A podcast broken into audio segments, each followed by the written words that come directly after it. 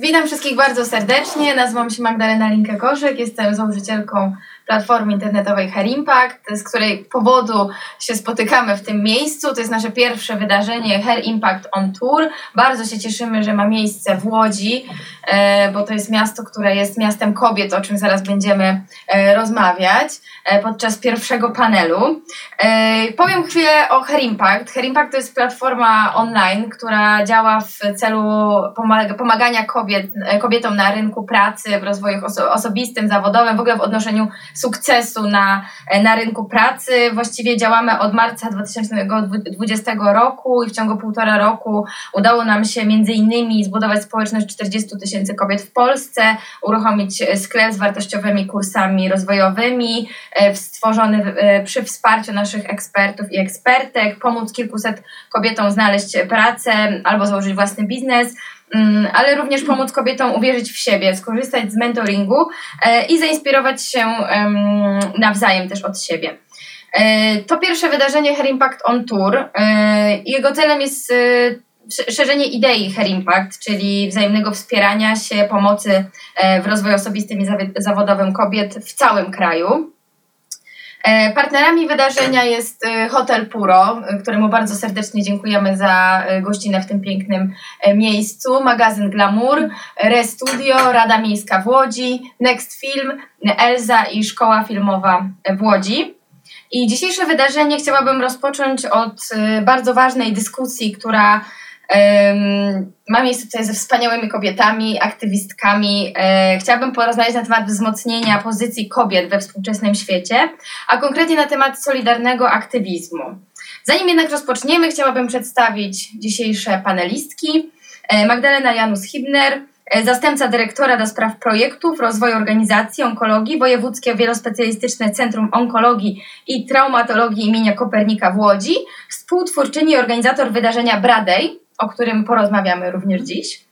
E, Katarzyna Wachowi, Wachowska, z wykształcenia psychopedagog, do momentu objęcia mandatu radnej miejskiej w Łodzi była urzędniczką. Jako radna zajmuje się m.in. edukacją, sytuacją łódzkich rodzin, prawami kobiet, w tym walką z ubóstwem menstruacyjnym. O tym także dzisiaj porozmawiamy. Prywatnie jest mamą.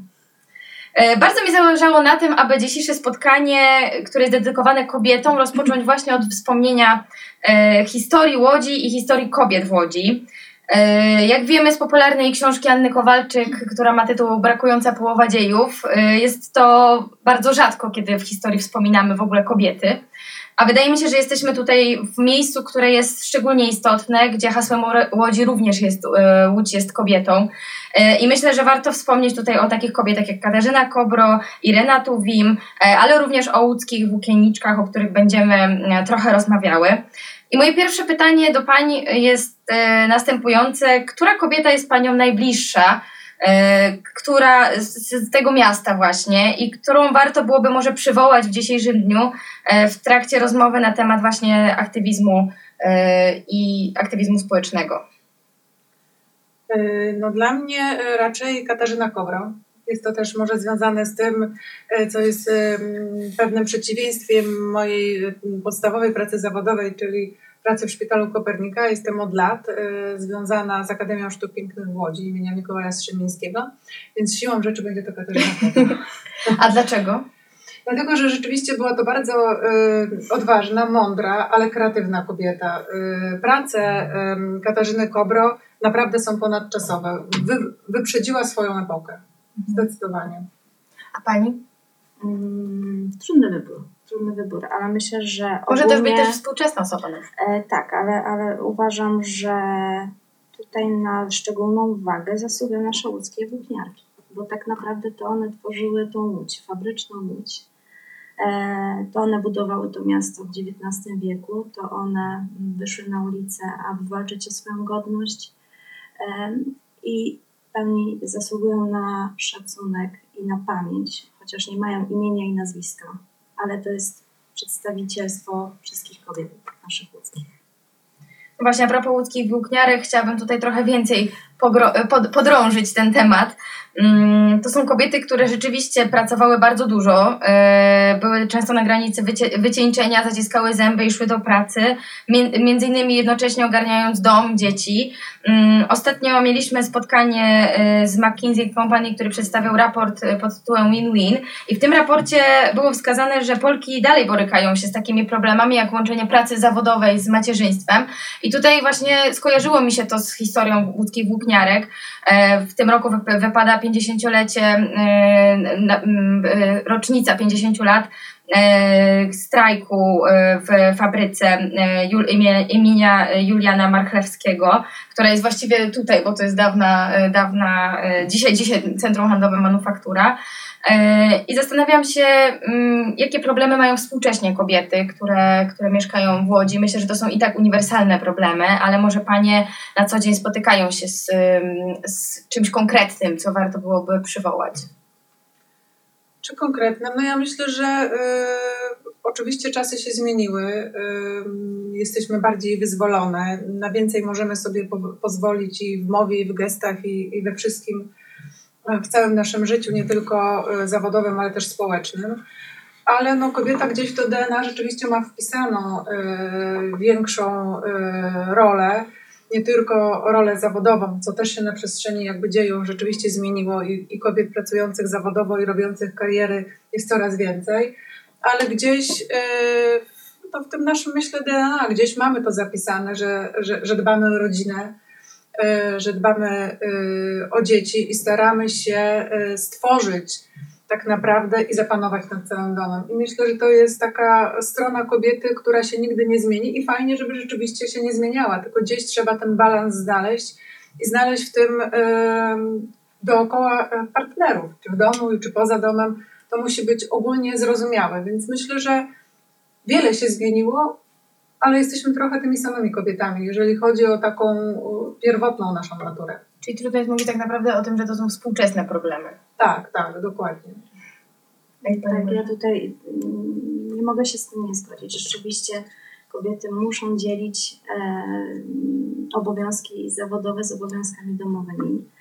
Często e, spotykam się też z tym, z taką nierównością trochę, jeśli chodzi o, o kwestie zawodowe. Jednak jeszcze, mimo tego, że już jesteśmy bardziej tak e, wyzwolone, jednak czasami mam wrażenie, że kobiety jeszcze się boją tak odezwać e, w kwestiach awansu, w kwestiach zarobkowych. Jednak jest jeszcze e, taka trochę nierówność i z tym na pewno bardzo dużo kobiet jeszcze się spotyka m, w kwestiach zawodowych. No i rzeczywiście tutaj jest kwestia również znalezienia takiego partnera, który będzie również wspierał i pomagał, aby taka kobieta mogła się realizować. I tutaj też muszą kobiety jeszcze niestety trochę czasami z tym walczyć, aby móc się realizować w różnych polach i dziedzinach. No właśnie o tym, e, o różnicach w wynagrodzeniach to jeszcze tutaj porozmawiamy. Natomiast e, do Pani Katarzyny właśnie mam pytanie na temat em, tego, że zajmuje się Pani właśnie ubóstwem menstruacyjnym i według badań co piąta Polka nawet doświadcza tego ubóstwa, e, które ma wpływ bezpośredni na jej aktywność w ogóle zawodową i tak naprawdę społeczną. I chciałam się zapytać, czy trudno jest w ogóle podejmować takie tematy, będąc radną? Nie jest trudno. Nie jest trudno, wręcz musimy o tym mówić głośno, dlatego że mm, jeszcze wielu z nas nie ma świadomości tego, że występuje takie y, zjawisko jak ubóstwo menstruacyjne. Y, Co piąta kobieta oczywiście y, spotkała się z ubóstwem menstruacyjnym, natomiast 20% dziewczynek w wieku szkolnym niestety musiało zrezygnować z zajęć lekcyjnych, ponieważ nie miało dostępu do środków e, higieny osobistej. I to jest bardzo duży problem, o którym należy mówić, o który, na który trzeba mm, edukować społeczeństwo.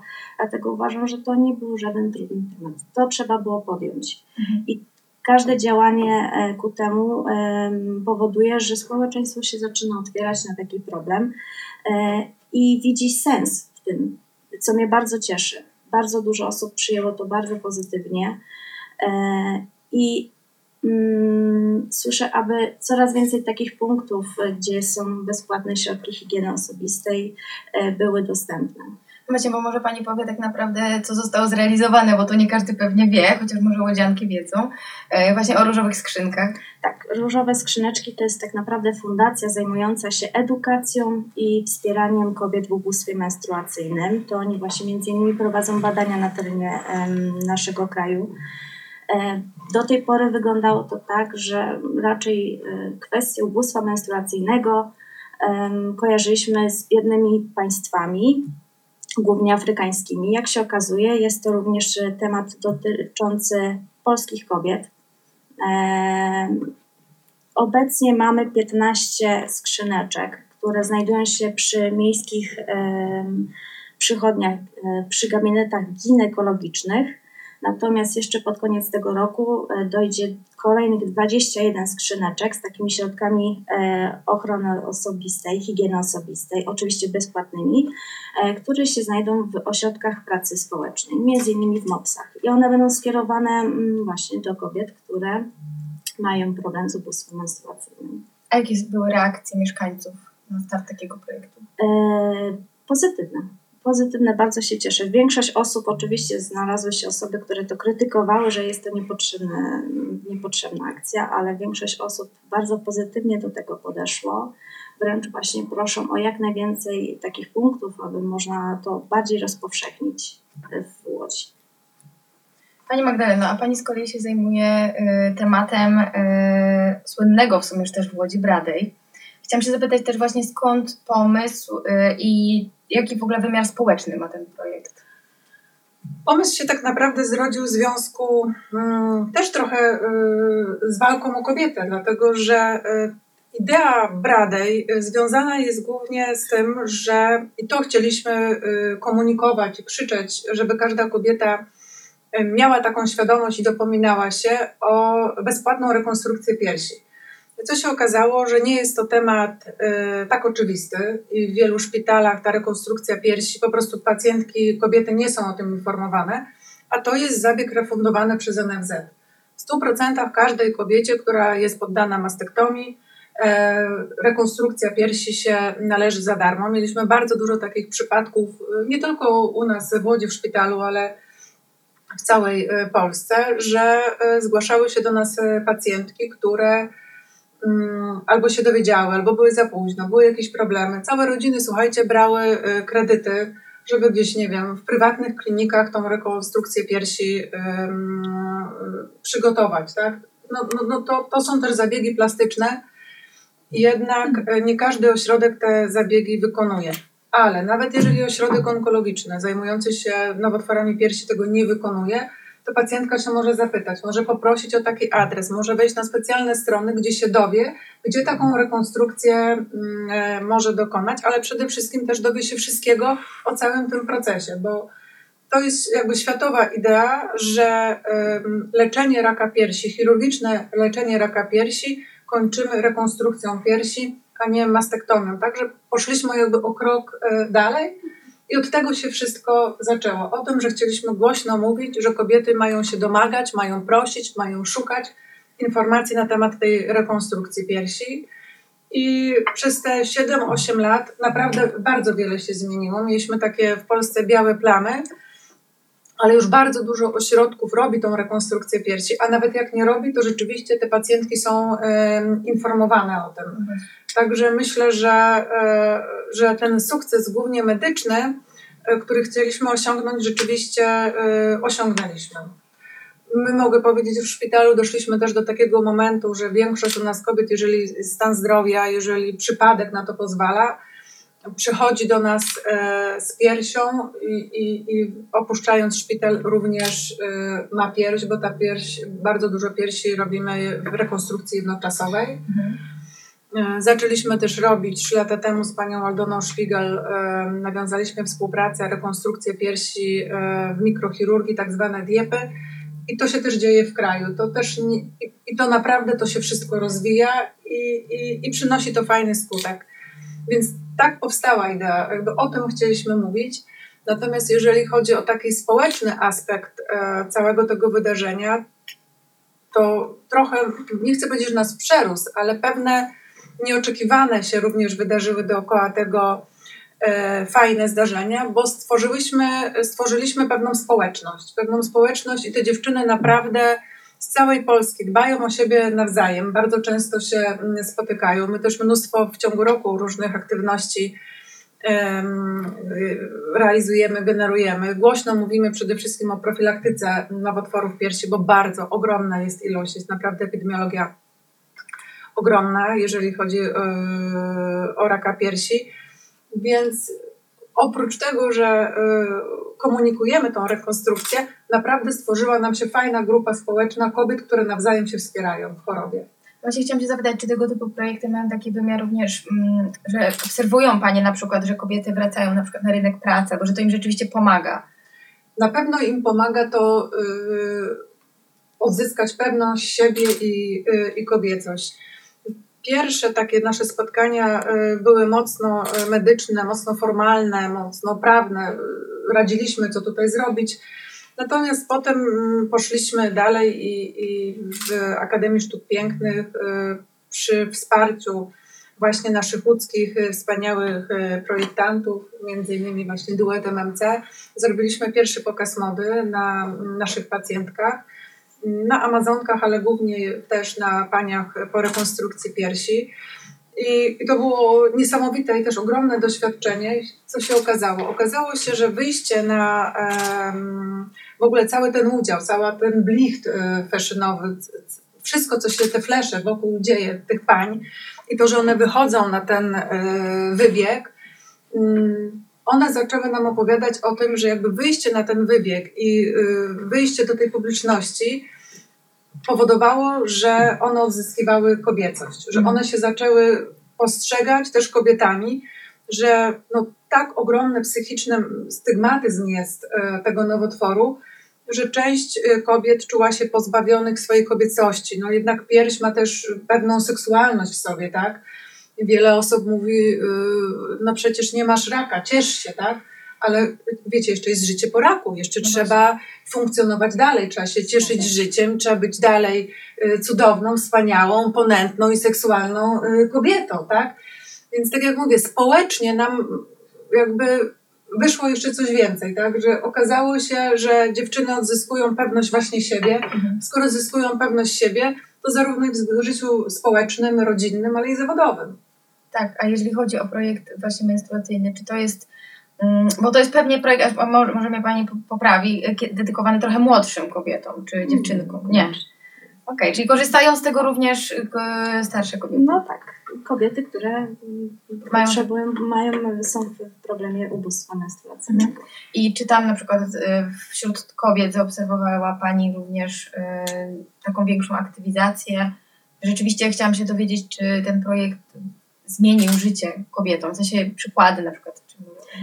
Yy, Znaczy tak, generalnie problem ubóstwa menstruacyjnego to jest nadal temat tabu u nas e, w kraju, w Łodzi w kraju.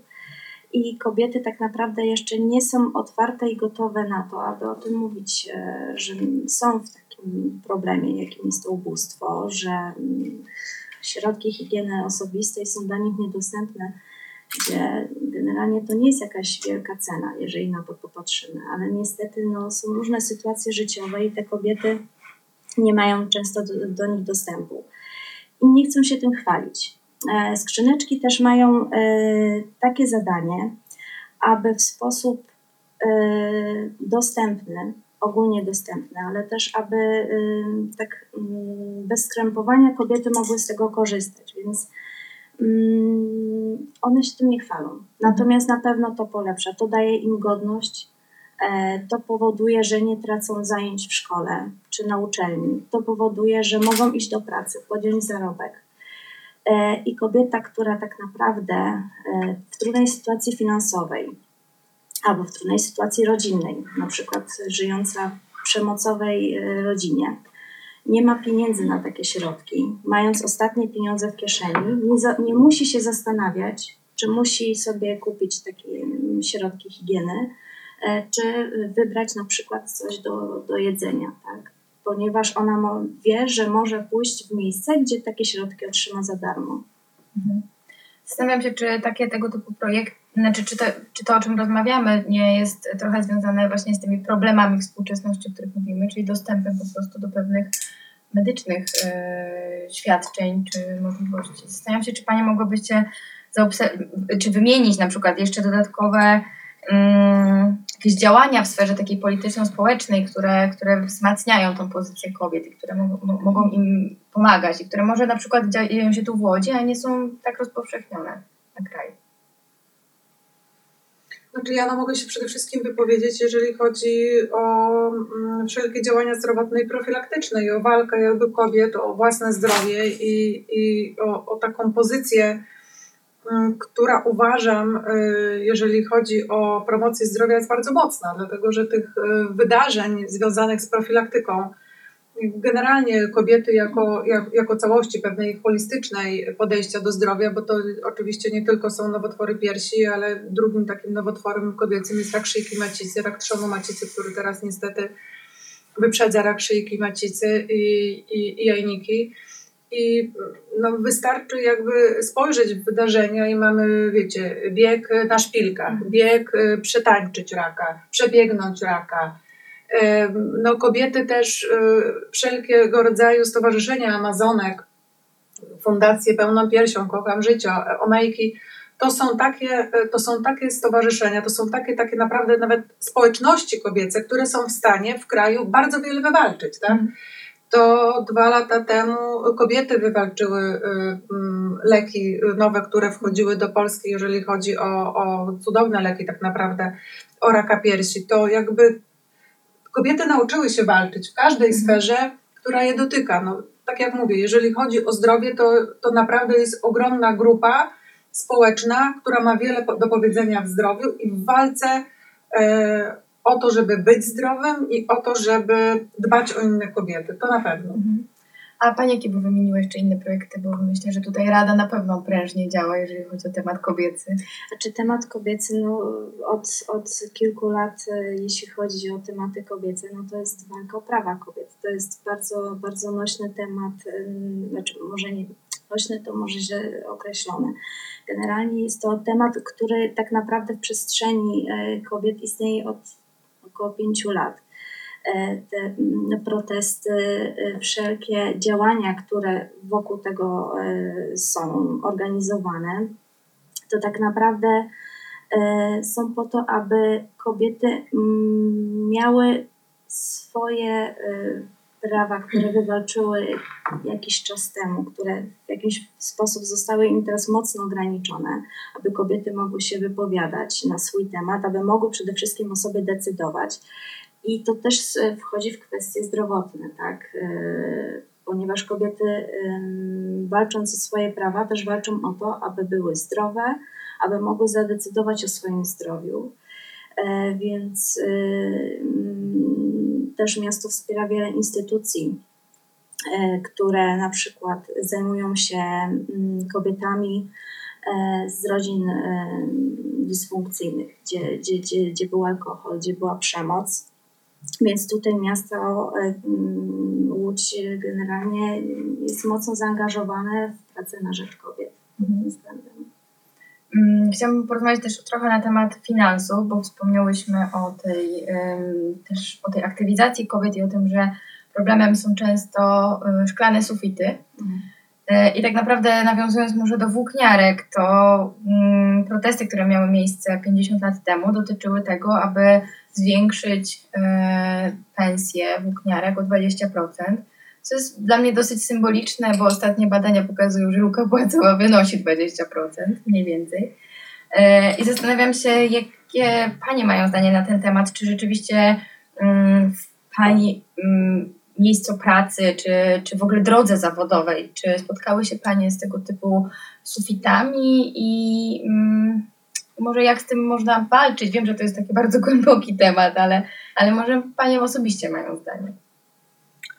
No mnie tutaj trudno, szczerze mówiąc, y, powiedzieć coś odkrywczego albo nawet bym powiedziała mądrego, y, bo nie mam w tym doświadczenia. No mnie to akurat y, nie doświadczyłam jakby pewnej takiej nierówności w swoim życiu zawodowym, jeżeli chodzi o wynagrodzenie i osoby z mojego otoczenia, no jak na pewno to istnieje, tak? Jakby to jest fakt, to jest Mhm. stwierdzenie. Tak. Natomiast no, w moim otoczeniu, w moim życiu zawodowym jakoś tak szczęśliwie się mm, nie zdarzyło, ale no, to jest też chyba kwestia podejścia samej kobiety do trochę walki y, o to wynagrodzenie i stawiania może pewnych warunków.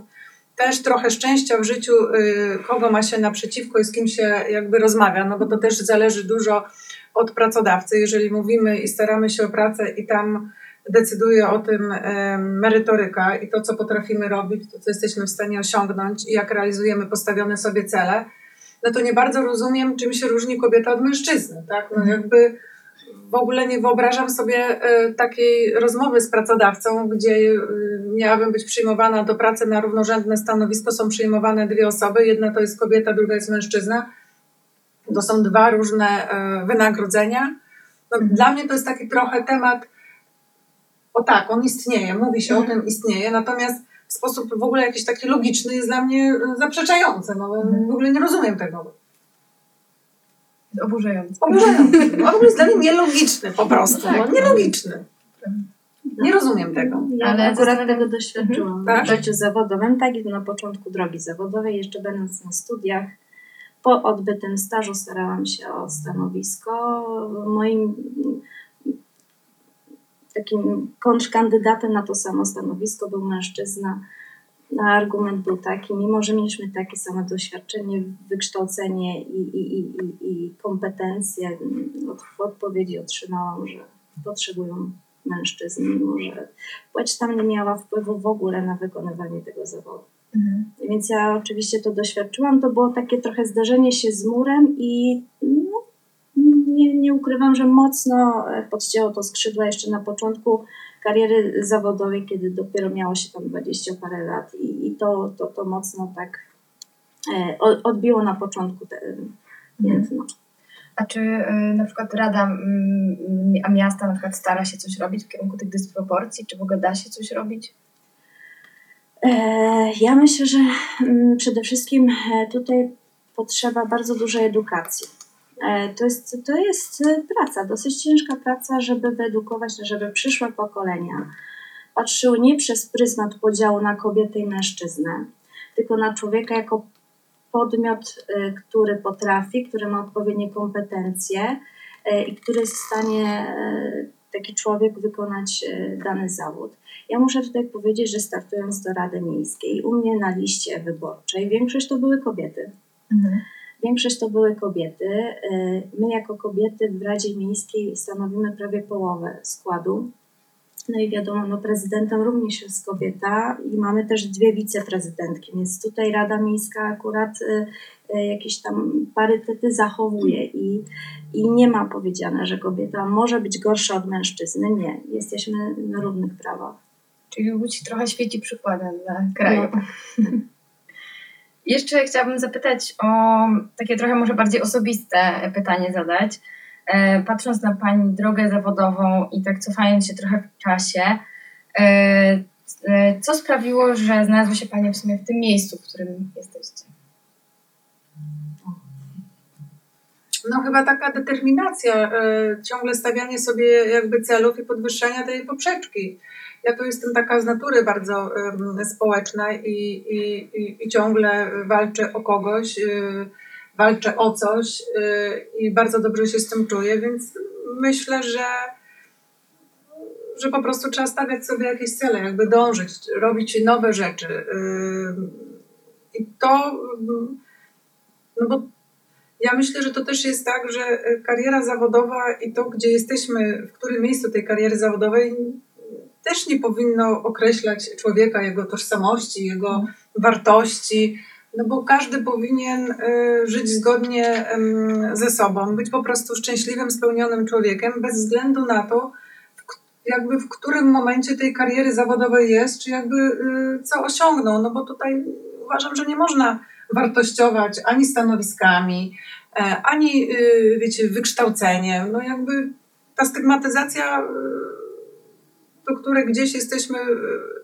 przyzwyczajeni y, w takim życiu właśnie społecznym, z czym ja się naprawdę spotykam na, na co dzień, jest okropna.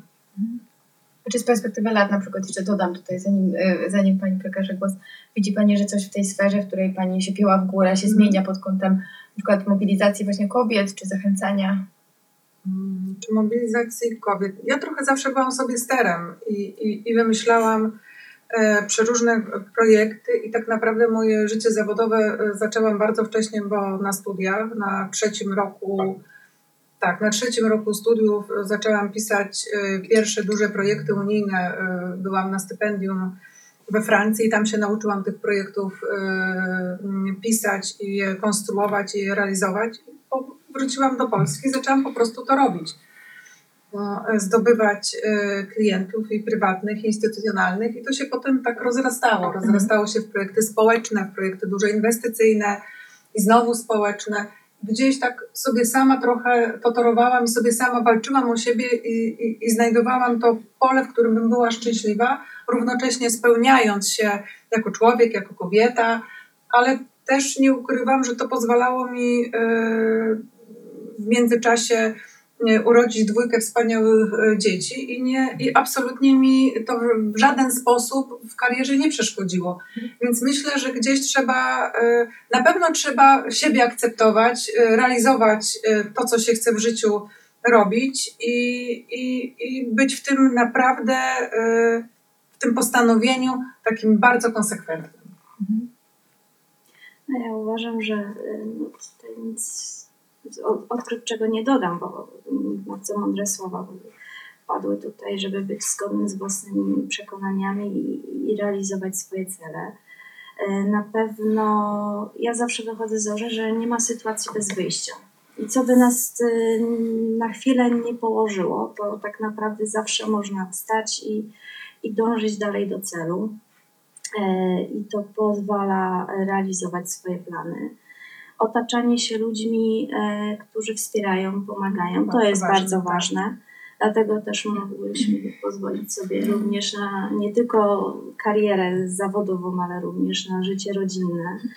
E, Otaczanie się tymi, tymi mądrymi ludźmi pozwala po prostu e, iść bardziej optymistycznie. Nawet jeżeli nas coś pokonuje na chwilę, to zawsze się wstaje, oczekuje, idzie dalej do przodu. To jest właśnie ten aktywizm, mam wrażenie.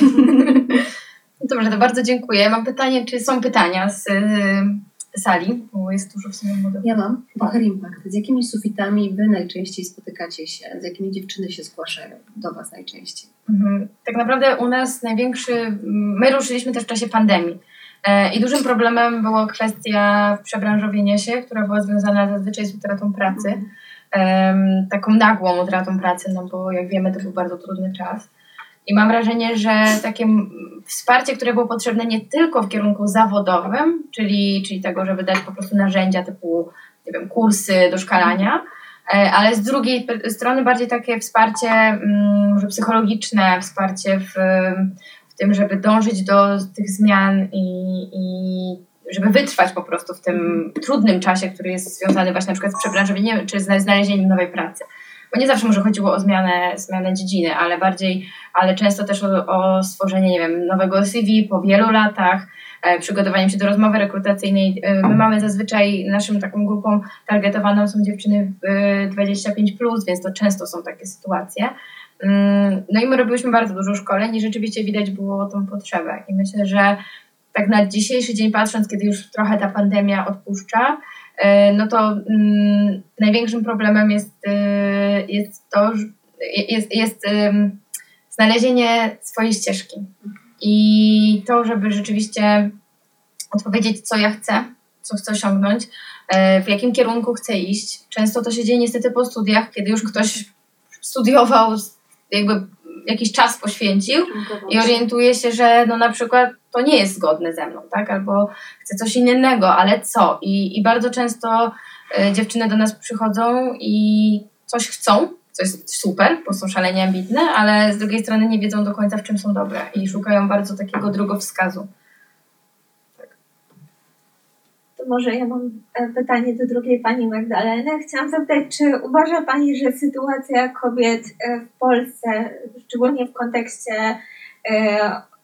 aspektów onkologicznych jest e, bezpieczna, bo jakby wiemy, że e, co jakiś czas pojawiają się usunięcia z listy refundowanych leków, ostatnio chyba Zoldex to się nazywa. I czy my jesteśmy jako kobiety w stanie robić coś, żeby tą sytuację sobie jakby zapewnić w przyszłości? Em, Bo wydaje mi się, że ten problem gdzieś tam cały czas jakby wraca. To jest tak, y, to- jest w ogóle bardzo skomplikowany proces. To nie jest zero-jedynkowe, czy coś wchodzi na listę refundac- refundacyjną, coś y, schodzi. To, to naprawdę jest bardzo trudny y, proces, zarówno decyzyjny, jak i finansowy. I trzeba, zawsze trzeba walczyć, jeżeli mamy jakąś świadomość wchodzących nowych leków, które już są po badaniu klinicznym, które są rzeczywiście zatwierdzone. Chcę powiedzieć, że jeżeli chodzi o raka piersi i w ogóle ochronę kobiety w, zdrowiu, jesteśmy naprawdę e, krajem, który e, ma bardzo, naprawdę mega, słuchajcie, dobrą opiekę nad kobietą, bo mm, e, mamy wspaniałych lekarzy, bardzo dobrze wykształconych, mamy naprawdę chirurgów, którzy Większość chirurgów w tej chwili e, onkologicznych robi rekonstrukcję piersi, że nie ma tego podziału na chirurgów plastycznych, powstają breast cancer unity. To są certyfikowane ośrodki. Bardzo duży ośrodek, między innymi przy moim szpitalu, jest e, e, kształcenia w ogóle chirurgów onkologicznych, chirurgów piersi. Jeżeli chodzi o, o te leki właśnie, o tą refundację, to pewnie, że zdarzają się e, różne krytyczne momenty, gdzie tak jak mówiłam, te różne stowarzyszenia są w stanie to wywalczyć, ale my mamy europejskie i światowe leczenie. W leczeniu onkologicznym to jest tak, że są pewne standardy. To nie jest tak, że e, lekarz sobie leczy, bo taki ma dzi- widzi mi się. Nie, nie. To jest absolutnie. mm, Są pewne protokoły, są tak zwane SOPy, i według tego lekarze są zobowiązani trzymać się pewnych ram.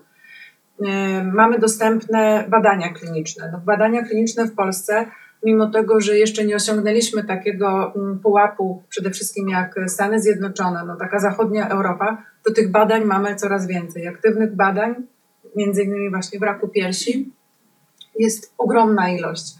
Więc wydaje mi się, nawet nie wydaje mi się, ale jestem pewna, że, że jako kobiety rzeczywiście medycznie jesteśmy bardzo zabezpieczone i, i, i, i ta medycyna w Polsce jest na bardzo wysokim poziomie.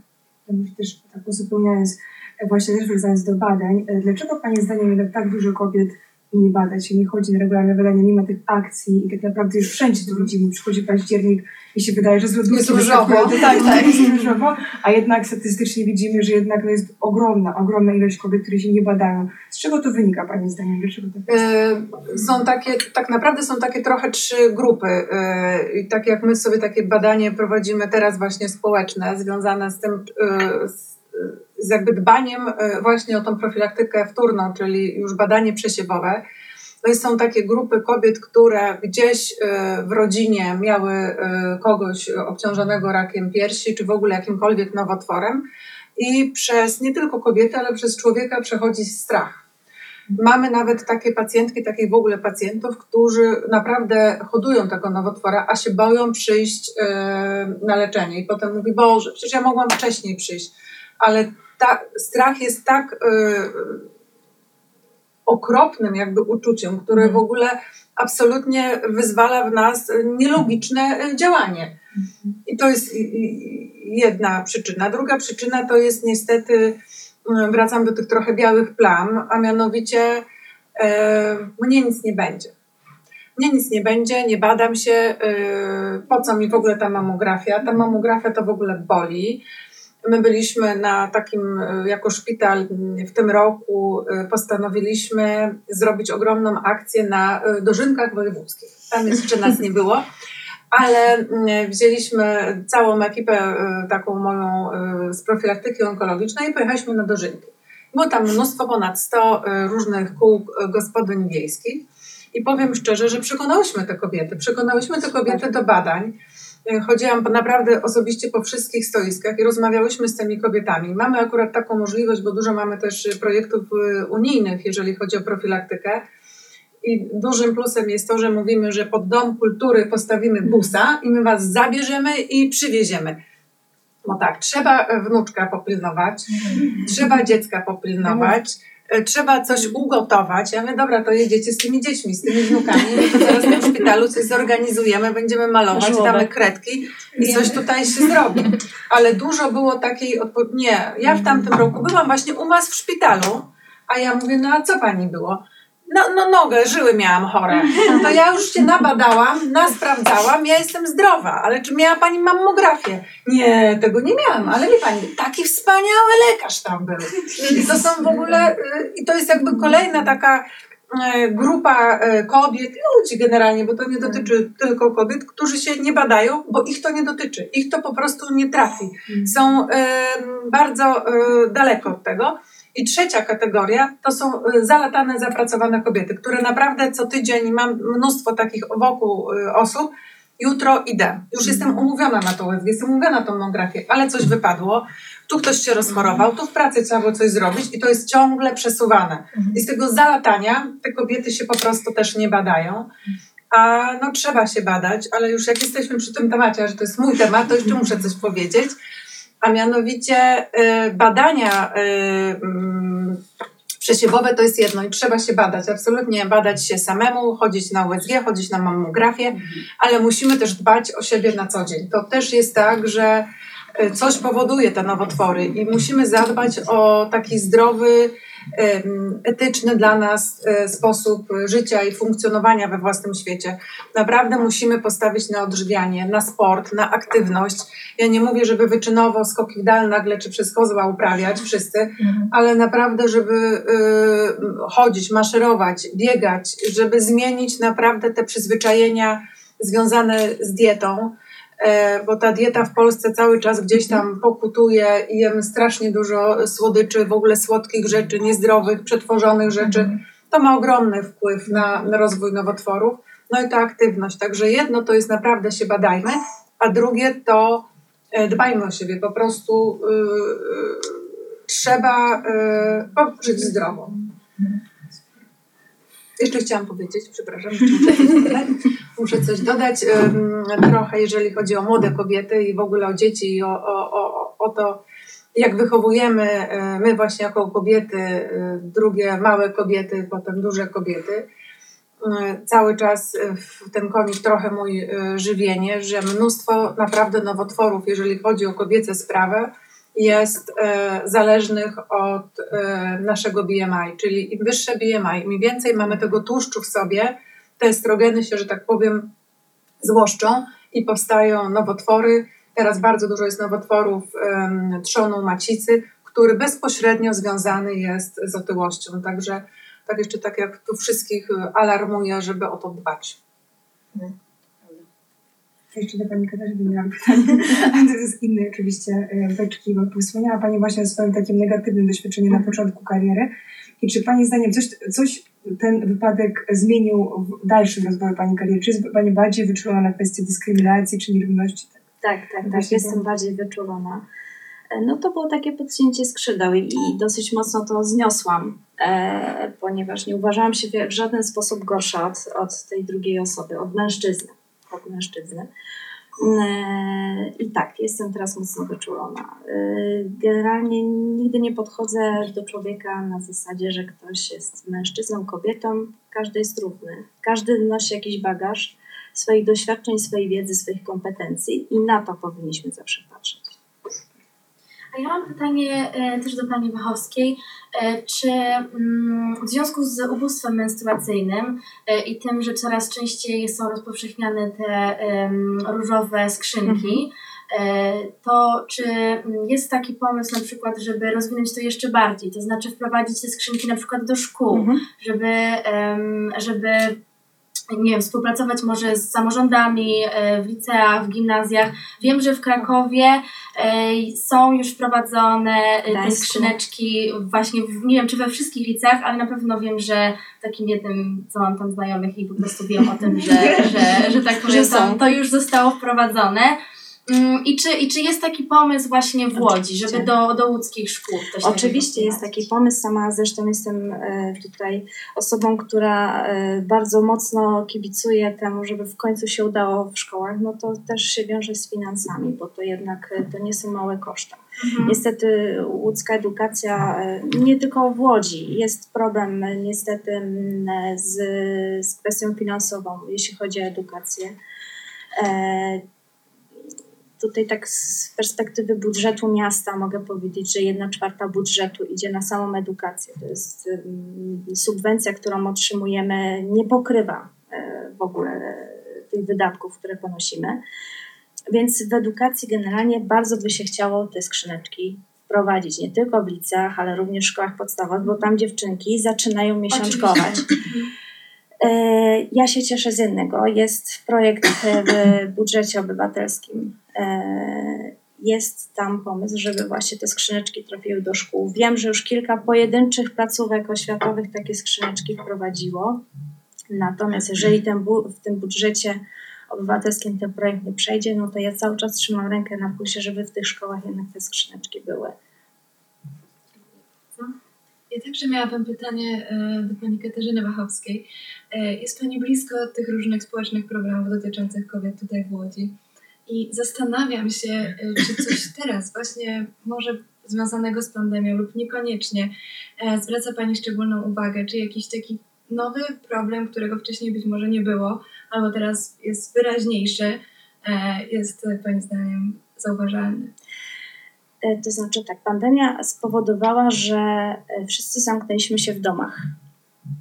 I jeżeli mamy taką normalną sytuację rodzinną, no to dla nas to nie stanowi problem. Natomiast zaczęło się pojawiać, e, bo to nie dotyczy tylko e, kobiet, dorosłych kobiet, ale również dzieci, małych dziewczynek. W momencie, kiedy przyszła pandemia, mm, szkoły zostały zamknięte, mm, zakłady pracy niektóre zostały od, zamknięte i przeszliśmy na, na pracę zdalną, to zaczęło się e, pojawiać e, problemy, sytuacje e, przemocy fizycznej, psychicznej. To się bardzo na, nawarstwiło. My w mieście stworzyliśmy doraźną komisję do spraw rodziny, dzieci i młodzieży, która tymi problemami zaczęła się zajmować w czasie pandemii. Jestem zresztą wiceprzewodniczącą tej komisji i badania em, zarówno prowadzone przez MOPS, przez policję wskazują, że ta agresja e, bardzo narosła w momencie wystąpienia tej pandemii Em, i najbardziej cierpią na tym kobiety, no i dzieci. Tak? Bo one są najczęściej ofiarami e, przemocy i różnych takich nieprzyjemnych sytuacji, więc to mogę powiedzieć, że ta pandemia właśnie pokazała bardzo takie patologiczne kwestie, które, które dotyczą też kobiet.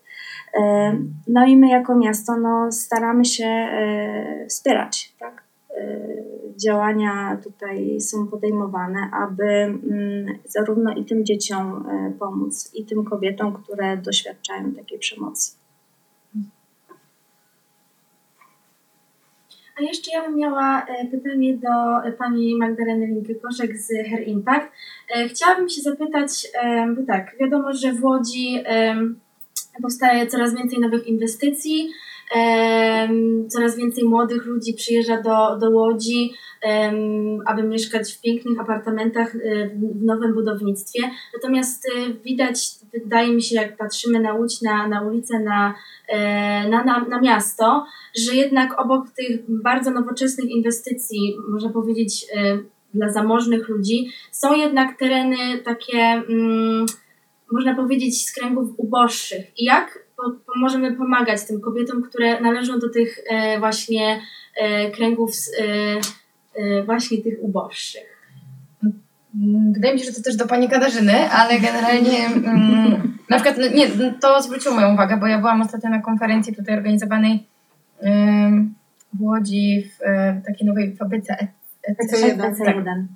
Dokładnie. I to właśnie zwróciło też moją, e, moją e, taką uwagę, bo generalnie no, piękne miejsce odnowione i, i, i wszystko pięknie, ale dookoła rzeczywiście jest tam e, no, gigantyczna bieda w sumie. I, i, i myślę sobie, że rzeczywiście to jest bardzo trudne, aby właśnie tym kobietom też pomóc, właśnie w tych miejscach i em, myślę, że tutaj w mieście no, na pewno jakby, jeżeli chodzi o nasze działania, jeżeli chodzi o Hair Impact, no to nam zależy na tym, żeby docierać do wszystkich kobiet. Nie jest to łatwe, natomiast no chociażby takie inicjatywy jak dzisiejsza pomagają nam dotrzeć do innych miast i, i to, że nie wiem, nadajemy na żywo i że to będzie zapisane i że kobiety będą mogły mm, obejrzeć sobie to bezpłatnie w dowolnym momencie, czyli kiedy na przykład, nie wiem, uśpią dzieci, tak? No to są ważne, ważne kwestie. Mm, Natomiast osobiście y, też się tak nad tym zastanawiam, na ile, y, ja- jakie działania można w ogóle podjąć w, w tej kwestii. No może, może kwestia to, co Pani powiedziała o tej doraźnej komisji, a może wsparcie psychologiczne, No tak. może tego typu działania. Aktywizacja zawodowa, bo często kobiety nie podejmują pracy. E, Z tych takich właśnie w tych dzielnicach zazwyczaj to kobiety siedzą w domu, zajmują się dziećmi, ale też aktywizacja zawodowa. Tutaj to też jest jakiś taki ruch, który wspiera kobiety. Jakieś szkolenia, e, dzięki którym by mogły może rozwinąć jakieś tam zainteresowania, czy tam poszerzyć swoją wiedzę w danym, w danym zakresie.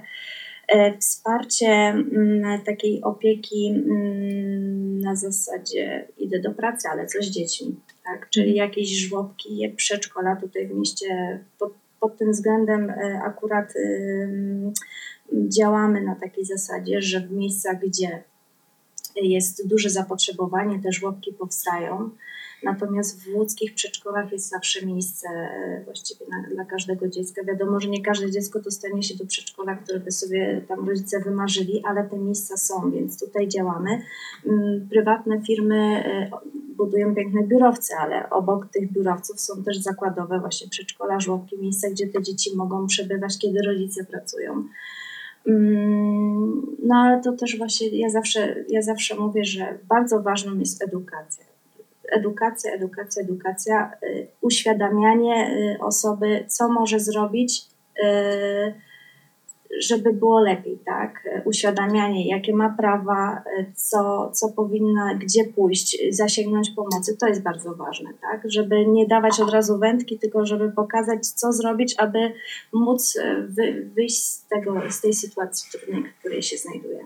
Może zadam jeszcze takie trudne pytanie. Czy da się zmienić w takim razie może podział budżetu, żeby trochę więcej przeznaczyć na edukację?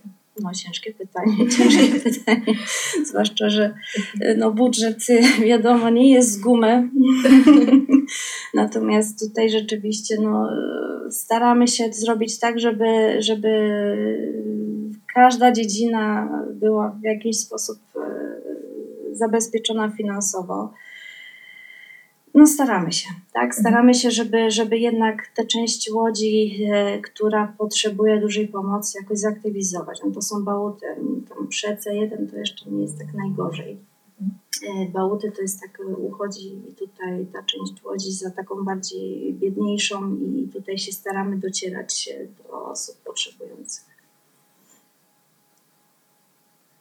Jeżeli nie ma pytań, to bardzo, bardzo dziękuję. Dziękujemy. Dziękujemy.